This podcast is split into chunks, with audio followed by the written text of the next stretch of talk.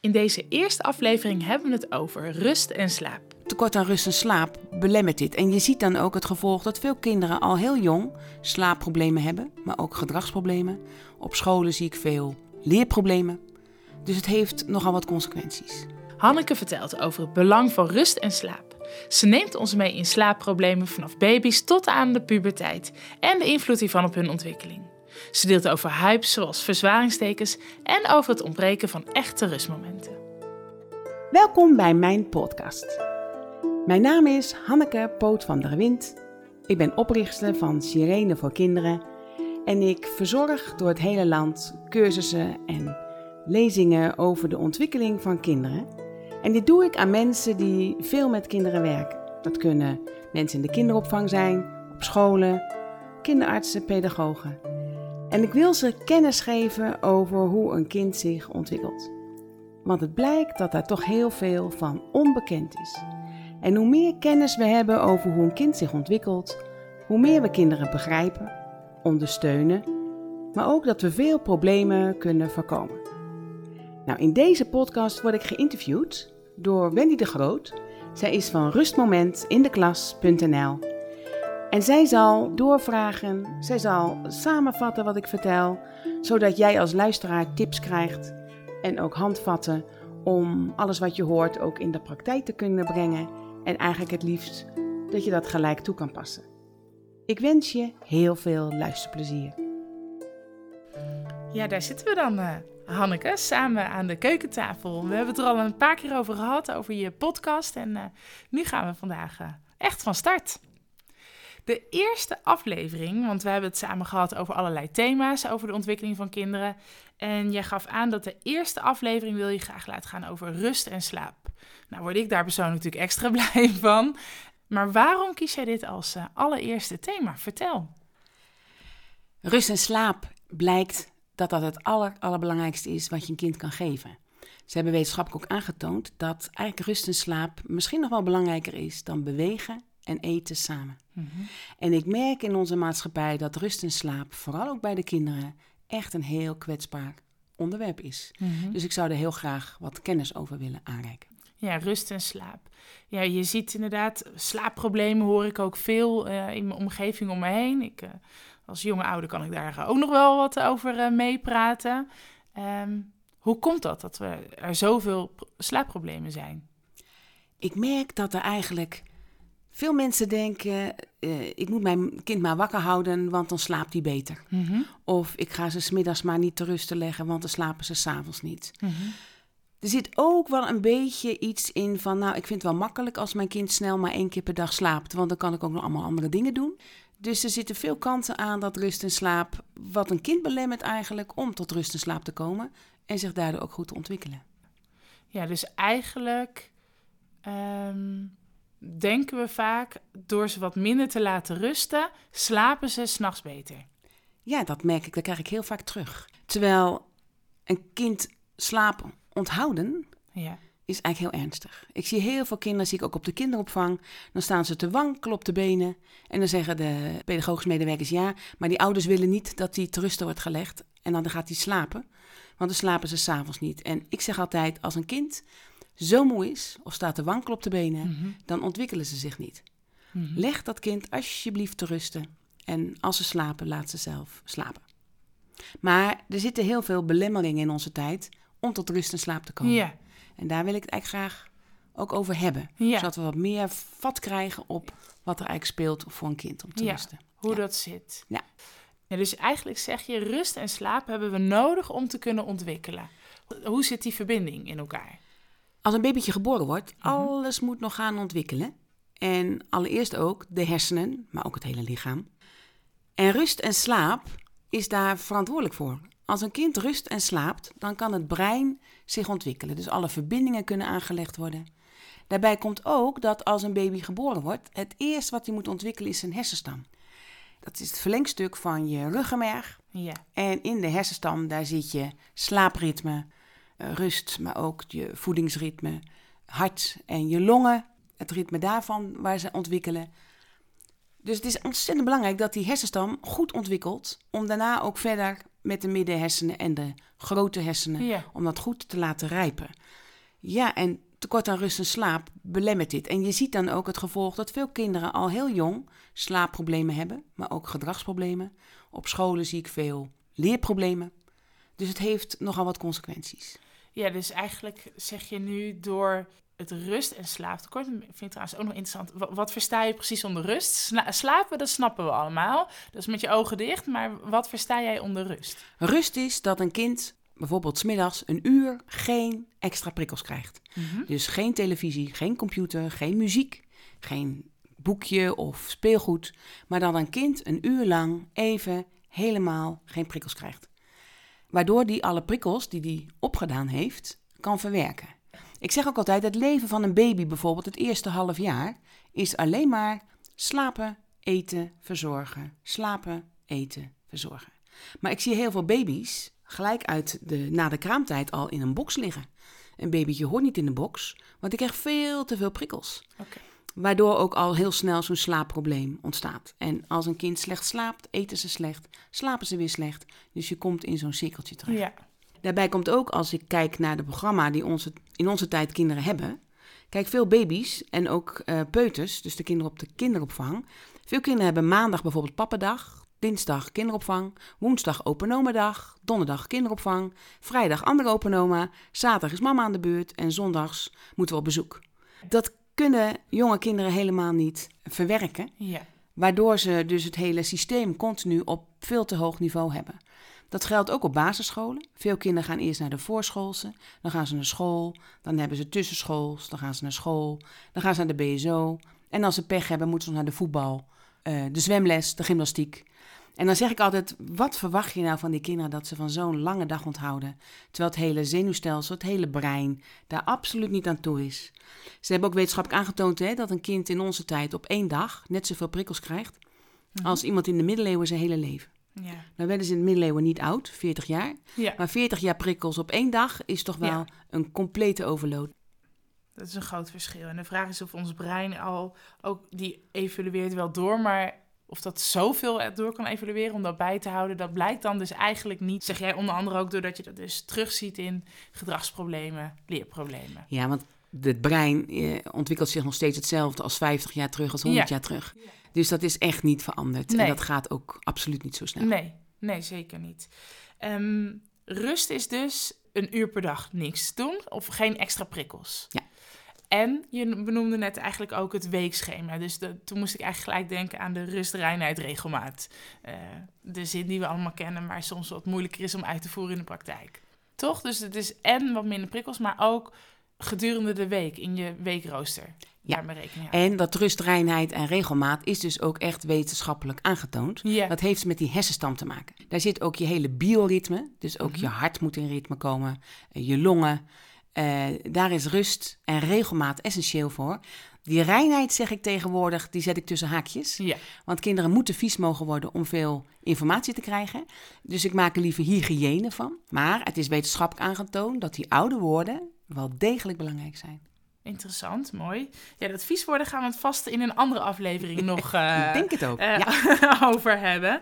Ehm, je zegt dat, hè, een uur extra, eh, geen prikkels. Maar zelf denk ik dan, nou, dat is best uitdagend. Met een kleuter thuis, heb, heb je daar advies voor? Of hoe zie je dat voor je? Eigenlijk is tot rust komen en slapen dus voor alle kinderen belangrijk. Maar ik vaak aan ouders zeg, wil je gaan opvoeden? En opvoeden is dat je consequent aangeeft aan een kind wat je eigenlijk van ze verwacht. Ja, Ik merk in ons land ook wel wat gezagsverlegenheid. Er schijnt hier ook nu in het Nederland, dat krijg ik regelmatig terug, een pedagogische stroming te zijn waar ouders geen nee meer mogen zeggen tegen hun kinderen. oké. Dat is een enorm glijdend vlak. Voor kinderen is het heel belangrijk om zich veilig te voelen dat je duidelijke grenzen aangeeft. En dat is een nee. En ik aan ouders altijd adviseer: leg het kind 's middags plat en vertel het kind: ik verwacht eigenlijk van jou dat jij nu te rusten, Ja, dat je in je bed blijft. Het is wel zo dat als ik bij mensen aan huis kom, dan kom ik in die slaapkamertjes en het is één pretpaleis. Allemaal speelgoed en spullen. Dan zeg ik tegen ouders, wil je die slaapkamer leeghalen? Want het kind moet een slaapkamer hebben.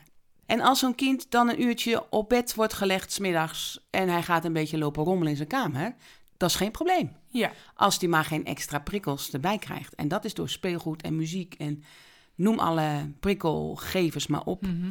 eh, een enorme belemmering. Dus we mogen ook wel kinderen de duidelijkheid geven om te gaan slapen. Ja. Maar ook de ruimte De geven ruimte. om de mogelijkheid te hebben om tot rust te komen. ja. Een voorbeeld geven is daarin ook vaak handig.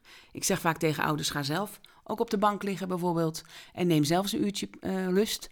Ze hebben in de psychologie wetenschappelijk aangetoond dat als wij na de lunch een uurtje zouden rusten, wij veel gezonder en efficiënter zouden zijn. Mhm. Nou, laat staan onze kinderen. Ja. Als ik de koppeling maak naar het onderwijs, je zegt door tekort aan rust en slaap ontstaan er leer- en gedragsproblemen. Kun je daar wat meer voorbeelden over geven of hoe zie je dat? Nou, de basis wat ik net al gaf is eerst moet die hersenstam, die rust en regelmaat ontwikkeld zijn. En van daaruit worden ook, wordt het ook weer aangestuurd de middenhersenen, waar ook je emoties worden eh, gevormd. En ook het gedrag daarin. Gedrag is eigenlijk een emotie die je laat zien. Eigenlijk moet dat in orde zijn. Wil je kennis in dat koppetje krijgen, in die grote hersenen, dat zit Ja. er bovenop. Ja, als een kind uit zijn doen is, uit zijn ritme is, niet kan slapen, dan heeft hij überhaupt de voorwaarden niet om zich te concentreren, een spanningsboog op te bouwen, nieuwsgierig te zijn, want ze zijn te moe om uit de ogen te kijken, eh, om kennis tot zich te nemen. En ik krijg ook vaak ouders die zeggen: Ja, maar mijn kinderen vragen ook vaak: Mam, wat gaan we doen vandaag? En dan zeg ik weer dan eens zeggen: We gaan niks doen. Ja, Ja, krijg ik dan terug, maar dan gaan ze zich vervelen. Ik zeg, maar dat is dus de bedoeling. Vervelen is dat je verbinding in de hersenen aanlegt en alle prikkels gaat opslaan. ja, En ook kinderen, bijvoorbeeld ook op school krijg ik dat weer regelmatig terug.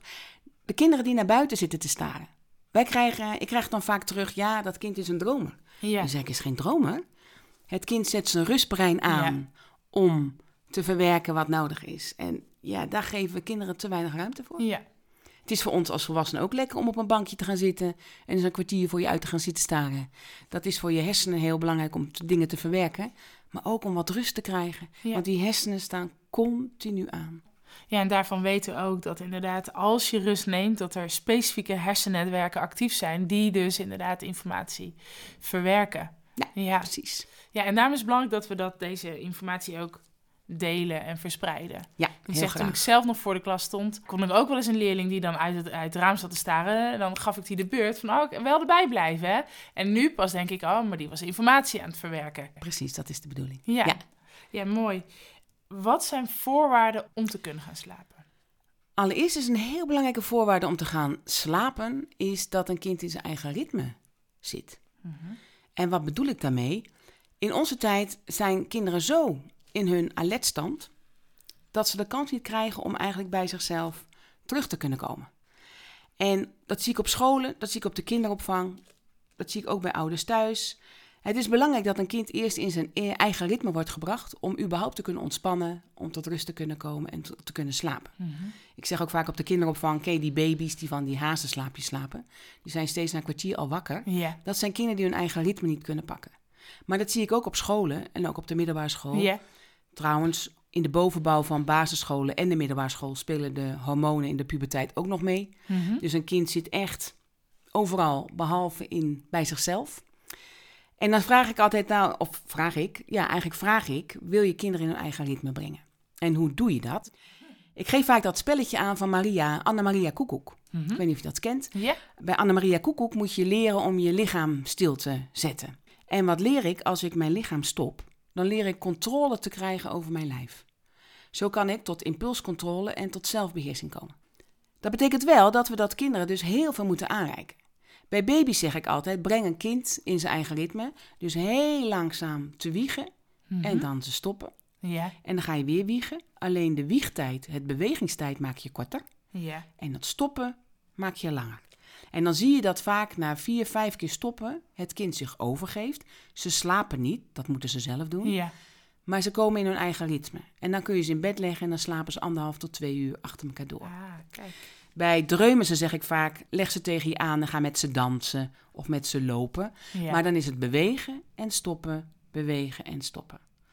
Peuters kunnen het zelf, de kleuters ook, maar dat geldt tot in de puberteit. Het geldt ook voor onszelf om te bewegen en te stoppen. Je ziet het ook vaak kinderen doen. Ik geef vaak als voorbeeld als ze uit school komen en ze gaan naar de BSO. Dan zie je ze althans als de BSO buitenschool is, zie je ze rennen naar de oversteekplek. Daar moeten ze stoppen. Dan rennen ze als ze overgezet zijn naar Ja, de ja. volgende. Dus dat bewegen en stoppen, bewegen en stoppen brengt een kind bij zichzelf en kunnen ze uiteindelijk tot rust komen. Ja. Maar dat moeten ze wel doen. Ja. Ik heb bij mijn eigen kinderen thuis, zeker tot groep 7, had ik het spelletje als wij gingen eten, moesten ze opruimen. En dan knipte ik in mijn vingers en dan moesten ze stoppen. Oké. En daarna mochten ze weer verder opruimen. En ze vonden het een geweldig spelletje. Ja, ja, ja. Het is een beetje het standbeeldenspelletje. Ja, ja, Maar ik wist dat ze zichzelf onder controle kregen. En dan zijn ze wel moe, maar ze zijn, eh, ze zijn aanspreekbaar. Ja. Ze kunnen doen en ze kunnen luisteren en ze kunnen zich concentreren. Nou, dus op school 's morgens ook en op de kinderopvang ook. En ik zeg ook vaak, kinderen op de kinderopvang en ook op school. eh, veel kinderen hebben te weinig geslapen. Daar gaan we zo nog even over Ja. hebben. Hè? Eh, maar veel kinderen toch nog steeds eten te weinig 's morgens. Er zijn veel kinderen die 's morgens televisie kijken of op de smartphone.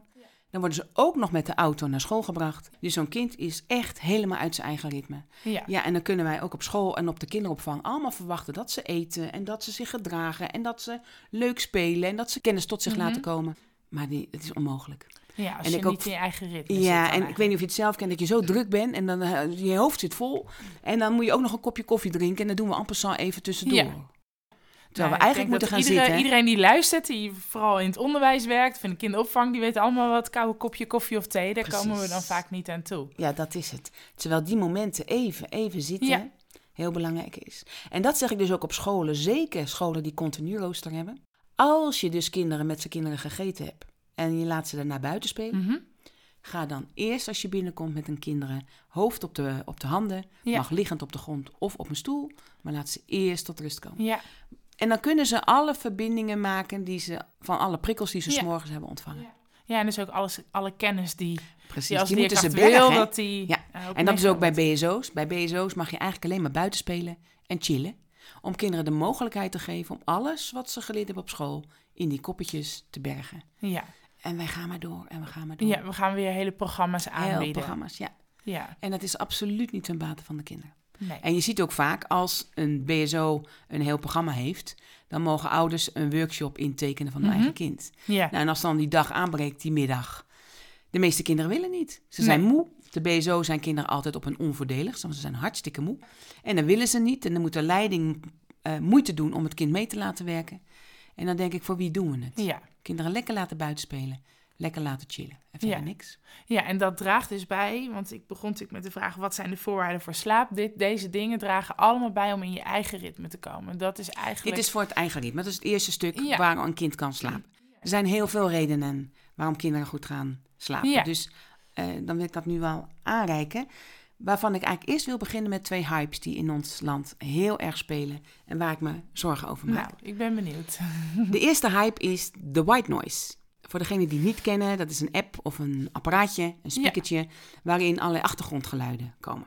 En de gedachte erachter is dat een babytje in de baarmoeder veel geluiden krijgt. En die willen we dus, als het kind geboren is, blijven houden. Dan zeg ik altijd, ja, maar de bedoeling is dat het kind die uit de baarmoeder is, moet leren met de geluiden om te gaan in de omgeving. Dus als een kind, dat zie je bij kleintjes ook, de eerste twee weken zet er een stofzuiger bij en ze slapen zo. Ja, Maar uiteindelijk moeten ze leren met die rust en stilte om te gaan. Daarnaast, ehm, ik krijg ook vaak terug van ja, heb je dan wetenschappelijke eh, redenen waarom white noise niet goed is? mhm. En ik moet er eigenlijk altijd om grinniken, want er is compleet geen wetenschappelijke achtergrond voor white noise. voor überhaupt white noise. En er is nog geen onderzoek gedaan wat het effect van white noise is. Waar ze wel onderzoek naar hebben gedaan, zijn verschillende onderzoeken. Allereerst hebben ze, eh, is wetenschappelijk aangetoond dat er in je oren zit er een reflex. Die moet je oefenen om jezelf af te kunnen sluiten van geluiden van buiten. Mhm. Nou, daar heb je heel wat jaren voor nodig om dat te kunnen. En jonge kinderen kunnen dat sowieso nog niet.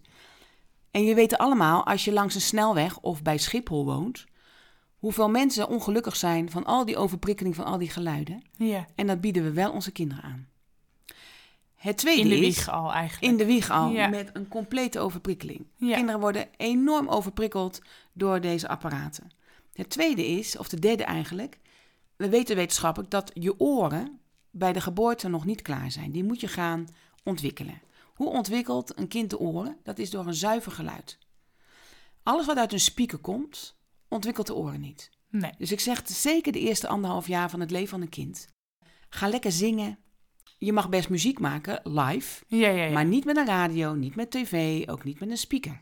Wat we dus wel met die white noise doen. Het volgende is dat doordat je geluiden geeft, zet je de hersenen in de alertstand. In de alpha-golf, dat is Mhm. alertstand. Ik had pas een mevrouw en die zei tegen mij... lijkt het een beetje op dat ik in het weekend blijf ik wakker... Althans, ik ga wel naar bed. Ja. Maar ik blijf eigenlijk soezen en wakker... totdat mijn dochter van 18 veilig thuis is. Dan pas kan ik slapen. Ik zeg, dat is precies wat je zegt. Ja. Je blijft in die alertstand staan. Je hersenen moet in de gammagolf komen om tot een diepe slaap te komen.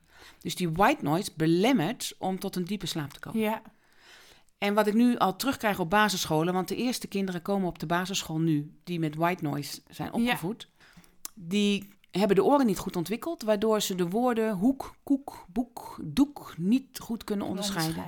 Die oren zijn zo belangrijk en ik ben verbijsterd dat het zomaar vrijgegeven wordt. En nou, overal wordt het gebruikt. Overal, ja. Wordt Dus ik wil echt een waarschuwing geven. Wil je alsjeblieft. Er is nog nooit een kind in eh, aan al die eeuwen met, met zo'n soort als white noise in slaap gekomen. Wil je alsjeblieft daarmee stoppen? Ja, zeg ik ook tegen kindercentra die daarmee begonnen is. Alsjeblieft wil je ermee stoppen, want het is niet ten bate van het kind. nee. Er zijn meer redenen waarom een kind niet slaapt. Dat gaan we zo met elkaar Ja, ja. bespreken. Maar dat los je niet op deze manier op. Nee.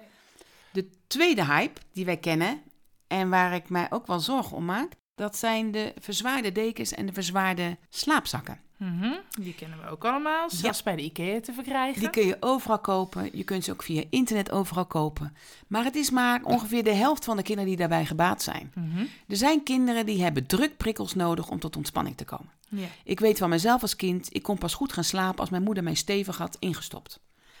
Er zijn veel kinderen die onder een zware deken of het niet goed kunnen dragen, omdat het te zwaar is, en eigenlijk die prikkels totaal niet nodig hebben, daar eigenlijk van weg willen komen, van die prikkels. Ja, daar ontstaan ontzettend veel stresshormonen. Kinderen tot stikkend toe benauwd Hm. onder een dekentje. En eh, sommige kinderen gaan huilen. Dat is eigenlijk maar mooi, want die hebben wat te vertellen. Ja, Maar er zijn ook kinderen die worden stil en dan denken, oh lekker, ze liggen, in, eh, ze liggen veilig. Kijk, een kind kan er niet echt onder stikken, maar ze krijgen het gevoel van verstikking, ja omdat omdat het die verzwaring het het verzwaar is. En ik ook vaak tegen volwassenen zeg, ken je dat, zo'n mummieslaapzak? Er zijn heel veel mensen die vinden mummieslaapzak heerlijk, maar er zijn heel veel mensen die die mummieslaapzak echt helemaal heel erg vervelend vinden. Ja. Nou, kinderen zijn net mensen, zeg ik altijd. Wees alert. En als je het overweegt om een verzwaarde slaapzak of deken aan te schaffen, wil je dan eerst naar een kinderergotherapeut of een kinderfysiotherapeut gaan, dat hij eerst eens controleert of dit kind dit wel kan dragen, maar ook, ook nodig heeft in zijn prikkelverwerking. Ja, en een kinderfysiotherapeut of kinderergotherapeut kan jouw prikkelprofiel of jouw prikkelverwerking wat meer in beeld brengen. Precies. En dan precies. kijken, past dit bij dit kind ja of nee? Ja, heeft dit kind het echt nodig? Want sommige kinderen Ja. hebben het nodig, Ja, maar heel veel kinderen ook helemaal niet. nee, dus dat is dan... eh, dus dit nou zijn twee hypes die ik Ja. echt zie, waar ik echt voor waarschuwen wil. Dat zijn eigenlijk, we waren bezig over de voorwaarden voor slaap, eigen ritme. Dus dan nou ja, gaf je aan, er zijn twee hypes die, waar ik ook echt even aandacht Ja, aan daar wil wil ik even besteden. aandacht aan besteden. Ehm, maar andere redenen waarom kinderen ehm, moeite hebben met slapen, Ja. zijn er echt heel veel. Oké, Allereerst kan een kind pas slapen als hij gevoed is met aandacht. gevoed met aandacht. Gevoed met zin. aandacht, dat betekent dat je dus echt persoonlijke aandacht aan het kind besteedt. Ja, En daar zijn nogal wat belemmeringen. Eigenlijk is liefhebben, je kind liefhebben, is je tijd en je aandacht geven. Maar ja, dat zijn eigenlijk dingen die we tegenwoordig eigenlijk veel te weinig meer hebben. En er zijn een aantal belemmeringen voor. Allereerst zeg ik altijd tegen ouders, als je je kind opgehaald hebt, bijvoorbeeld van een gastouder of de kinderopvang of de BSO, wil je dan eerst als je thuis komt een half uur ongestoorde aandacht aan je kind besteden. Mhm. Ik merk als ik bij mensen aan huis kom en ze komen thuis, gaan eerst die eh, laptop open of de smartphone. En kinderen moeten zichzelf vermaken. Maar kinderen die de hele dag zo'n programma hebben gehad, hebben recht op de aandacht van hun ouders. Ja. En dat zie je ook als een kind dus s'nachts dan wakker wordt. Dan, worden ze, dan voelen ze dat onaangename gevoel van te weinig aandacht hebben gehad. En dan gaan ze aandacht vragen. Ja, en dat doen ze anderhalf tot twee uur lang. Want Ja. een hele slaapcyclus lang zijn ze s'nachts wakker. Een ander, wat echt heel erg belemmert, zijn al die digitale apparaten. Ik zie ook heel veel ouders die komen met een mobiel aan het oor, een kind ophalen op de kinderopvang of Ja. op BSO. ja, En vaak zie je kinderen rennen naar de ouders toe. En dan hoor ik ouders ook nog eens zeggen: eh, Ik ben nog niet klaar, wacht even. even, ja. Nou, jonge kinderen kunnen niet wachten. Nee. En ten tweede zeg je eigenlijk tegen je kind: Ik vind het mobieltje of het gesprek belangrijker dan jij. En een kind kan pas goed slapen als hij ervaart dat hij belangrijk is voor zijn ouders. Ja. Dat hoor ik ook op de kinderopvang als daar een kind ziek is en ouders worden gebeld. Er zijn zoveel ouders die dan aangeven van ja, ik heb geen tijd om te komen, doe er maar een zetpil in. Ja, een kind die ziek is, moet naar huis. Daarbij komt ook dat ik vaak tegen ouders zeg, zorg dat je een netwerk hebt. Want ik Ja. snap dat je niet direct naar huis Nee. kan komen. Maar kijk eens of je je partner of je buurman of buurvrouw of je ouders bereid zijn als er in nood iets gebeurt, dat zij in ieder geval je kind op gaan halen. En dat netwerk zoeken is in ons land ook een probleem. Natuurlijk, heel veel mensen werken. Maar dat zeg ik ook bij bijvoorbeeld vierjarige kinderen. Die Mhm. moeten smiddags ook te rusten worden gelegd. Vierjarige kinderen. Vierjarige Dat zijn kinderen. eigenlijk kleuters die al naar school toe gaan. Ja, en de vierjarige kinderen zijn niet leerplichtig. Nee. Vallen in ons land dus het wallend schip. En die moeten eigenlijk smiddags te rusten worden gelegd. Dan hoor ik vaak ouders zeggen, ja dat kan niet, want ik ben aan het werk. Dat snap ik. Maar wat is dan fijn als je een ander ouder vindt in de klas... met wie je samen kan, iets kan afspreken? Ja. Zo van maandag werk jij, dan neem ik jouw kind mee naar huis. En dinsdag is het andersom. Zodat het kind niet weer zoveel prikkels krijgt na schooltijd. Want hij heeft meer dan genoeg gehad overdag. Eh, die mobiel, die belemmert echt de aandacht. Ik zat pas in een speeltuintje en er was een jongetje, ik schat hem een jaar of drie. Ja. En die stond boven op de glijbaan. En zijn vader zat met zijn apparaten op een bankje. ja. Dus dat jongetje roept, papa, kijk eens. Dus papa die kijkt op van zijn mobiel en zegt, ja, ik heb het gezien. En die ging weer verder met zijn mobiel. Dus dat jongetje voor de tweede keer, papa, kijk nou eens. Dus papa weer, ja, ik heb het gezien en gaat weer verder. Nou, bij de vijfde keer werd papa boos en zegt, je kom maar naar beneden, ik ga naar huis, want ik heb hier geen zin in. Ja. Toen dacht ik, meneer, dat doe je zelf. Ja. Waarom ga je niet gewoon eens zitten en alleen maar eens kijken naar je Ja. kind? Want je hoeft niet per se te spelen met het kind. Alleen Mhm. maar aanwezig zijn. En als een kind wat wil vertellen, dat hij die kans krijgt. Dat je er bent. Dat Ja. is eigenlijk al aandacht. Dat is zo belangrijk. zijn. Ja.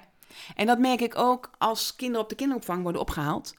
Dan is het eerste tocht van ouders naar het mandje. Dan pakken ze de speen en die duwen ze in het mondje van de kind. Ja. Dat zie ik ook bij veel kleuters. Veel kleuters worden nog met een speen opgehaald. Mhm.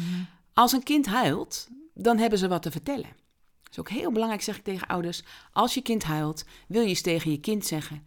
ik hoor jou wat, je hebt wat te vertellen. Ik ga naar jou luisteren. Ja, ik vind het wel een mooie zin wat je nu zegt. Als een kind huilt, dan heeft het wat te vertellen. Ja. Ja. Maar wat doen wij? Wij doen er een speen in. We maken ze dus monddood. En ik kom op scholen en daar in groep 1, in de, bij de kleintjes al, moeten ze in een kring zitten. En dan moeten ze gaan vertellen wat ze bijvoorbeeld het weekend hebben meegemaakt. Ja. Er zijn steeds meer kinderen die niks vertellen. Nee. Want ja, er wordt toch niet naar mij geluisterd. Want als ik wat wil vertellen, gaat die speen in. En ik vaak tegen volwassenen zeg, ken je dat? Dat je van alles hebt meegemaakt op de dag en je komt thuis en er is niemand met wie je kan praten. Ja. Ja, dat gaat malen, dat gaat, Ja. daar word je heel onrustig van. Ja. Dus kun je niet slapen. Nou, Ja. kinderen zijn net mensen, ik blijf het zeggen. Ja. Als een kind niet heeft mogen huilen en kunnen vertellen, ja, dan slapen ze niet. Nee.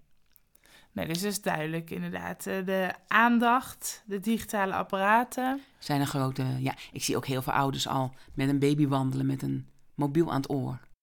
En dan huilt mijn hart. Ja. Denk, doe dat ding weg en ga met je kind praten als je aan het wandelen bent met je kind. Ja. Want een kind heeft dat voor zijn ontwikkeling nodig, Mhm. voor zijn breinontwikkeling, Mhm. maar ook voor de aandacht om lekker te kunnen slapen Ja. en ook tot rust te kunnen komen. Ja. Kinderen ontspannen zich door aandacht van de ouders. Maar onze kinderen zitten continu in de aanstand, wat ik net al vertelde. En die kun je alleen maar wegnemen door ze die rust en slaap te geven. En dat is de voorwaarde dus aandacht. Ja. En je Aandacht. merkt ook, ja, als een kind die aandacht niet heeft gehad, dan worden ze vaak s'nachts wakker. Ik had pas een avond en toen zei een vader tegen mij: Mijn dochtertje van 13 maanden is elke nacht om drie uur wakker. Ik ben, ik ben zo zat, ik heb haar onder de koude douche gezet. Nou ja, daar schrok ik sowieso van. Hij Ja. zegt: Het is zeker niet goed. Ik, toen heb ik gevraagd: Als je s'avonds thuis komt, wat doe je dan met je kind? Ja, zegt hij niks. Dan moet hij zichzelf maar vermaken, want ik wil de krant lezen. Ja. Dus ik heb gevraagd, en dat is minimaal, wil je je kind dan eerst met 10 minuten eerst die aandacht geven? Nou ja, drie maanden later eh, kwam ik die man tegen. Hij zegt, eh, ik zit nu op een kwartier mevrouw en eh, ze slaapt als een tierenleer. Oh ja. Terwijl een kwartier eigenlijk nog veel te weinig Ja. is, is een half uur. Ja. En ook om te slapen, en dat merk ik ook s'nachts, als een kind dus s'nachts wakker wordt, dan willen ze eigenlijk dat je als ouder het kind weer in slaap brengt. En dat Ja. is op de bekende wijze. Vandaar dat ik tegen ouders zeg, wil je je bedritueel kort houden? Voorlezen is ontzettend belangrijk. Doe dat vooral, maar doe dat beneden op de bank, want het is een activiteit. Daarna ga je naar boven, ga je tanden poetsen, wat zingen of wat je dan ook wil. Ja. En dat bedritueel moet maar vijf minuten duren. Want anders wordt zo'n kind s'nachts wakker en denkt: Yes, ik krijg weer het hele bedritueel. Dan gaan willen ze boekjes lezen en een spelletje doen. En nee, kort, Oh, helder, mooie tip. krachtig. Mooie tip. Ja, om dat bedritueel kort te houden. Ja. Ook vertel ik tegen ouders: als jij je kind naar bed brengt, laat je lichaam heel duidelijk spreken. Kinderen, zeker tot 7 jaar, praten voor 100% met hun lijf. Daarna Mhm. is het voor 90%. Dus kinderen luisteren vooral naar je lichaam. Ik weet nog toen ik vroeger mijn eigen kinderen naar bed wilde brengen. En ik wilde ze te slapen hebben voordat de oppas kwam. En no way, die slapen nee, niet. nee, dat klopt. Want die voelen mijn spanning en die denken: Ja. oh, ik moet maar wakker blijven, want mijn moeder is zo gespannen. Ja, Dat merk ik ook. Het gaat niet altijd op hoor. Maar soms kunnen mannen kinderen makkelijker naar bed brengen dan vrouwen. Eh, want een man die heeft, die met zijn hele lichaam zegt hij, nou ik ben er klaar mee. Je gaat je bed maar in. En het is klaar voor vandaag. Terwijl moeders zie ik vaak, eh, die buigen zich voorover naar het kind. En die aaien over een bolletje en zegt eh, met hun lichaam, kom er maar uit. ja, En dan komen die kinderen eruit. ja. En dan worden we ook nog boos. Dus er zijn heel veel non-verbaal wat we dus niet goed communiceren. ja. Ook ouders zie ik, die gaan door hun knieën zakken en kijken het kind recht aan en zeggen: Zullen we gaan tanden poetsen? Nou, afgezien dat we geen tanden gaan poetsen, maar jij, Mhm. en je ook een nee kan verwachten als je een vraag stelt, verlaag je op het niveau van de kinderen. Maar je bent geen vriendje of vriendinnetje van een kind. Ik zeg altijd tegen ouders: als je iets in gezag zegt, moet je gaan staan. Eh, zodat er een gezagsverhouding ontstaat. En dan zeggen: Jij gaat nu naar boven, je tanden poetsen en naar bed. Laat in je houding ook zien dat jij het regie in handen hebt. Ja, En dat is ook als een kind in bed ligt. Zeg ook, en dat kun je al bij baby's zeggen, maar ook daarna, in je bed ben je veilig. Je hebt een schone broek, je hebt gegeten, het is goed in bed. ja, Maar heel veel ouders die halen het kind uit bed als het huilt. Ik zeg, haal het kind niet uit bed, want je zegt dan eigenlijk tegen het kind, het is terecht ja, het is niet dat veilig je uit je bed, is daar niet Ja. veilig. Dus dat zijn allemaal non-verbale communicaties die we met het kind doen, waarvan het kind niks begrijpt. Dus eindeloos door proberen te kijken, waar zit die grens? Ik krijg ook vaak ouders die zeggen, ja, mijn kind probeert me zo uit. Dan zeg ik, kind probeert je niet uit. Het kind wil weten, waar zit mijn grens? Wat Mhm. is wel goed en wat is niet goed? Daar voel ik me veilig bij. Ja. ja, dus jouw lichaamstaal is daarin dat je daar, dat wil je eigenlijk ook meegeven als reden van wees je bewust als ouder, maar ook als professional als je met kinderen werkt. Wees bewust dat jouw lichaamstaal en jouw gewone taal van invloed is. Ja. Ja, Soms zeg ik tegen ouders, een, als je een eh, hondje, dus een pupje op kan voeden, die reageert direct op jouw lichaamstaal. ja, Dat is bij jonge Duidelijk. kinderen ook zo, ja, maar ook tot ver in de puberteit. ja. Zeker voor degenen die zelf zwanger zijn geweest. Je weet in je zwangerschap al of jij een avondkind krijgt of een ochtendkind. Oké. Het hangt van het bioritme van het kind af. Mhm. Een ochtendkind is altijd om half, eh, half zes, zes uur wakker. Ja, Kun je dus, niet veranderen. Dat is hun bioritme. Dan zeg ik tegen de ouders: het kind mag nog niet uit bed. Die moet tot zeven uur blijven liggen. oké. Want ook al slaapt hij niet, Mhm. hij rust wel. Ja, Het zijn oude woorden, maar die zijn wetenschappelijk ook voor het brein aangetoond. oké. Een ochtendkind heeft een hele lange ochtend gehad.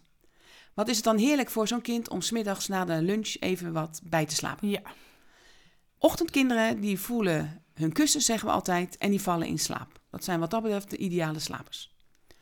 Een avondkind, die wordt het liefst om een uur of negen wakker. Is een beetje mens om een uur of tien.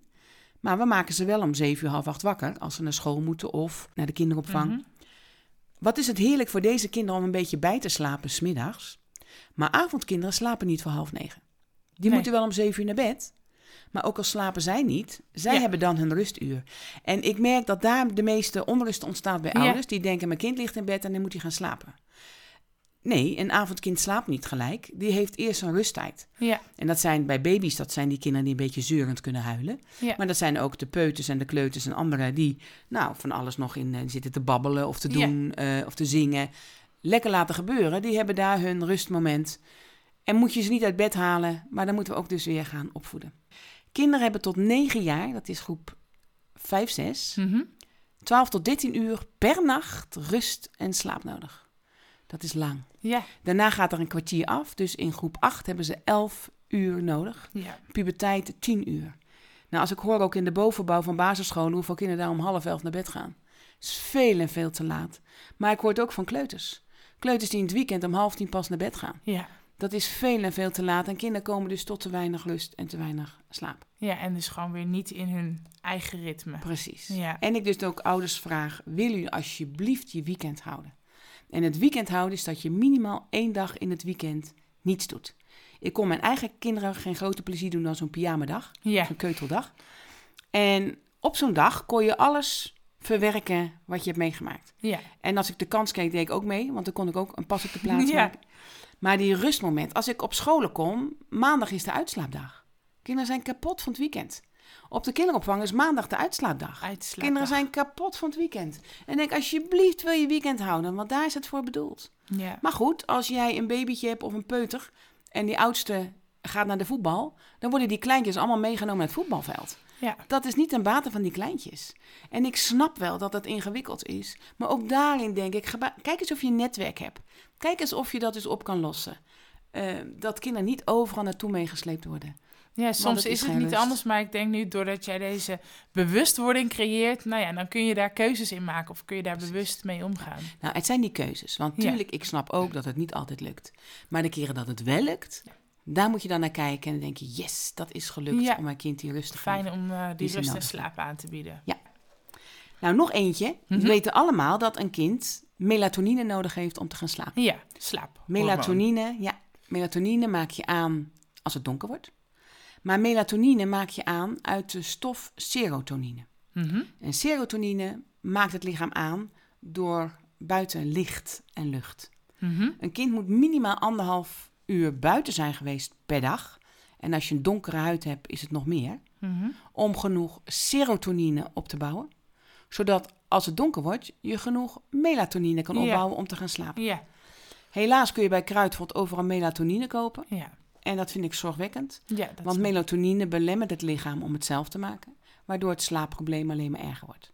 Soms eh, hebben, geven artsen dat als recept om een tijdelijk iets te doorbreken van een paar Ja. weken. Dat is natuurlijk aan de arts. Ja, Maar het is niet om iets standaard te kopen. Omdat het nog een gevolg heeft voor het kind. Ja. En hiermee zeg je dus eigenlijk ook buitenspelen is dus heel belangrijk. Heel Of in graag. ieder geval het buiten zijn. Daar gaan we ook gaan we nog uitgebreid, uitgebreid over over hebben. maar, bij dit stuk is buitenspelen essentieel. Ja. En dat zie je ook bij de baby's. Laat baby's veel buiten slapen. Oké, enige wanneer je een baby niet buiten mag laten slapen is als het mistig is. ja. En eigenlijk ook als het kouder is dan min 15. Ja. Nou, dat is in helaas in ons land ook niet meer zo snel Nee. mogelijk. Maar laat kinderen heel veel buiten slapen. En dat zie je ook, hoor ik nu ook op vakantie, heel veel ouders zeggen... oh, mijn kind slaapt zo lekker in een tent. Eh, ja. het geeft dus- veel zuurstof. En, en buiten daarmee vervagen ook geluiden... terwijl binnen dat veel meer weerkaatst. Ja, Dus dat is veel meer rust. ja. En het laatste wat ik dus eigenlijk nog Mhm. even aanreik... want er zijn eigenlijk nog wel meer redenen... Ja, Maar de laatste is dat ik eh, volwassenen vaak laat voelen: ga eens op een stoel staan.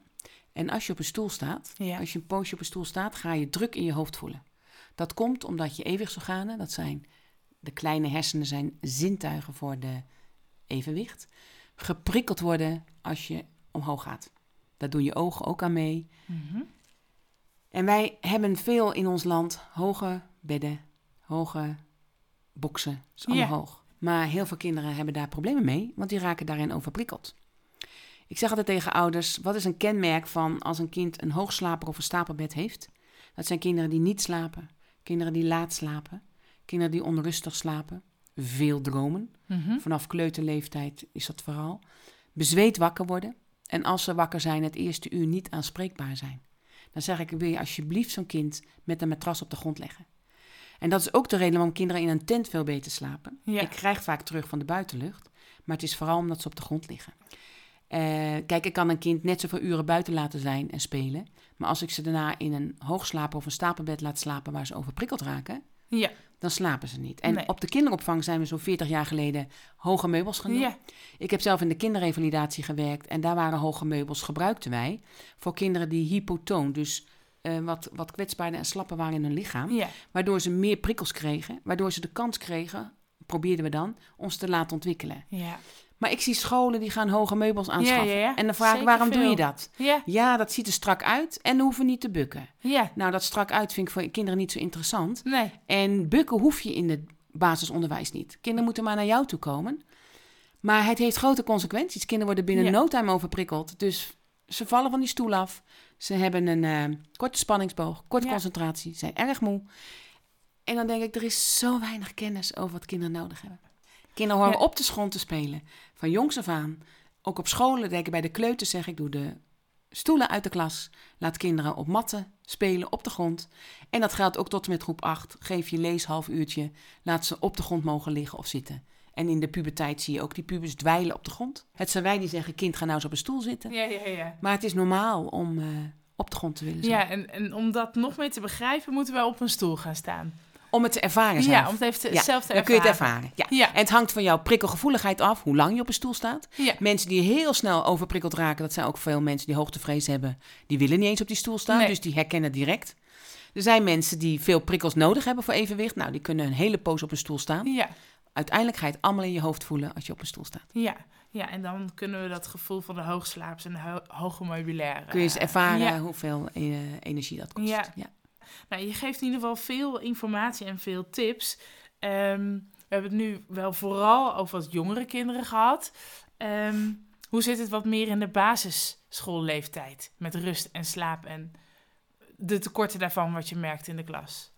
Sowieso, het weekend houden is voor kinderen op de basisschool een voorwaarde. Ik heb al aangegeven dat vierjarige kinderen smiddags te rusten moeten worden Mhm. gelegd. Vijfjarige kinderen hebben ook, volgens de inspectie, twee dagdelen per week mogen ze thuis blijven. Maar dat is kennelijk ook op scholen niet bekend. Ik had Nee, pas een mail klopt. van iemand die zei: ik ben, in, ik ben bij de directeur geroepen omdat ik mijn kind smiddags thuis hou. Ja, En die ging zelfs het zorgsysteem inzetten, omdat de moeder het kind thuis hield. En dat is zo'n gebrek aan kennis. Daarbij komt ook, ik zeg altijd, kinderen twee middagen in de week kunnen ze met andere kinderen spelen. Dat betekent als een kind die dagen naar de BSO gaat, kunnen ze verder niet meer buiten Nee. met andere kinderen spelen. Ja. Zorg dat het kind thuis tot rust kan komen. Ehm, ook een eigen plekje heeft waar hij eh, tot rust kan komen. Ik zeg het ook op scholen. Je ziet ook wel buiten spelen. Er zijn kinderen die het liefst alleen buiten spelen. ja. Gun ze dat ook. Gun alleen buiten spelen. Want kinderen Ja. zijn eigenlijk altijd onder controle. En even alleen zijn. En even de rust en geen prikkels. Ja. En dat is ook de indeling in de klas. Hoe deel je dat in? Zorg niet dat de hele klas vol hangt met van alles en nog wat, omdat het veel te veel prikkels geeft. Maar geef ook momenten waarvan ik al zei dat je na de lunch met je hoofd voorover gaat zitten. En Ja. eens even geen prikkels krijgt. ja. En ik verwijs ze graag naar jouw podcast. Want jij weet Ja. heel veel wat je in de klas kan doen. Met rustmomenten. Heel graag zelfs, want het is een voorwaarde voor kinderen om op school te kunnen ontwikkelen. Ja, en dat, dat is mooi waar- waarom we het hebben. Dit rust en slaap is een voorwaarde om te ontwikkelen, om te kunnen groeien. Ja. Ehm, en als we naar eh, pubers kijken, hoe, hoe zit het daarmee? Want je noemde net al even die hormonen die ook van invloed zijn. Grappig hè? Pubers zoeken eigenlijk zelf wat ze nodig hebben. Dat gehang op een bank of eens even terugtrekken op de kamer is niet voor niets. Mhm. Helaas hebben wij, dat zijn wij volwassenen, Ja. ze computers en smartphones aangereikt, ja. waardoor ook pubers continu aanstaan. En Ja. dan zeg ik tegen ouders, wil je alsjeblieft kinderen helpen door eh, sowieso als ze naar bed gaan s'avonds de mobiel of de smartphone beneden te laten. Dat ze niet de hele nacht aan willen staan om bereikbaar te zijn voor anderen. Want die hersenen in de puberteit moeten weer helemaal opnieuw gevormd worden. Die krijgen de kans niet, omdat wij, ze- dat, en dat zeg ik echt hand in eigen boezem, we hebben zelf die apparaten gegeven. Maar het heeft voor de pubers grote gevolgen. Wat ik eigenlijk voor wil pleiten, de, het ritme bij pubers ver- ver- eh, gaat anders. Ja. Eigenlijk zijn ze pas om uur of tien wakker en willen ze het liefst om twaalf uur naar bed. Ehm, daar zouden we ons schoolsysteem, middelbaar schoolsysteem, veel meer op moeten aanpassen. Dat ook de toetsen niet voor tien en half elf wordt aangeboden. En dat pubers de mogelijkheid krijgen om het te vertragen. Dan eh, in die puberteit hebben ze extra slaap nodig om dat hele systeem en ook al die hormonen een plek te geven. Ja. Maar voor pubers is het heel belangrijk dat ze veel eh, buiten bewegen. Laat ze ook alsjeblieft gaan fietsen. Ik vind het heel jammer dat er veel een elektrische fiets hebben. Ja. Kijk, als je 15 tot 20 kilometer moet fietsen, is Ja. het logisch hoor. Ja, ja, ja. Maar er zijn er ook die 6 kilometer fiet, moeten fietsen en dan een elektrische fiets krijgen.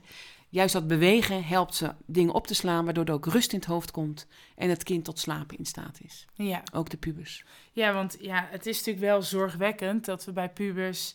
Nou ja, de, de burn-out stresscijfers zijn natuurlijk heel erg Echt hoog. hoog, echt hoog, 60 procent. 60 procent. En bij eh 18 plus is het 70 procent. Ja. Het is, we, we leven in een maatschappij waar iedereen zo mooi is. Ja. Nou, dat zie je ook aan de korte lontjes. Maar bij de pubers, het, het is echt heel erg. Ja, Ja. en daarvoor moeten we eigenlijk eh, terug naar rust en slaap. Want daar vindt die ontwikkeling al vanaf baby vindt daar de ontwikkeling van de hersenen plaats. En daar vindt natuurlijk ook dan de verwerking van de dag van de dingen En- die je doet plaats. En ook het slaap en rust begint al bij de baby's. Aangezien Ja. wij nu in ons land Ja. al zoveel baby's hebben die niet of nauwelijks Ja. slapen. En ouders zeggen dan tegen mij, kennelijk heeft het niet nodig. Een baby heeft heel veel slaap nodig. Snap wat het kind nodig heeft om ze te bieden wat ze nodig hebben. Maar daardoor hebben ze in de puberteit tekort aan slaap. En daarna. Het, het zet zich door tot ver in de volwassen tijd. En dat is zorgwekkend. ja, dus daarom is het belangrijk dat we deze kennis verspreiden. Graag. Zodat we eigenlijk al vanaf jongs af aan eh, het belang van rust en slaap voor de ontwikkeling eh, mee kunnen geven.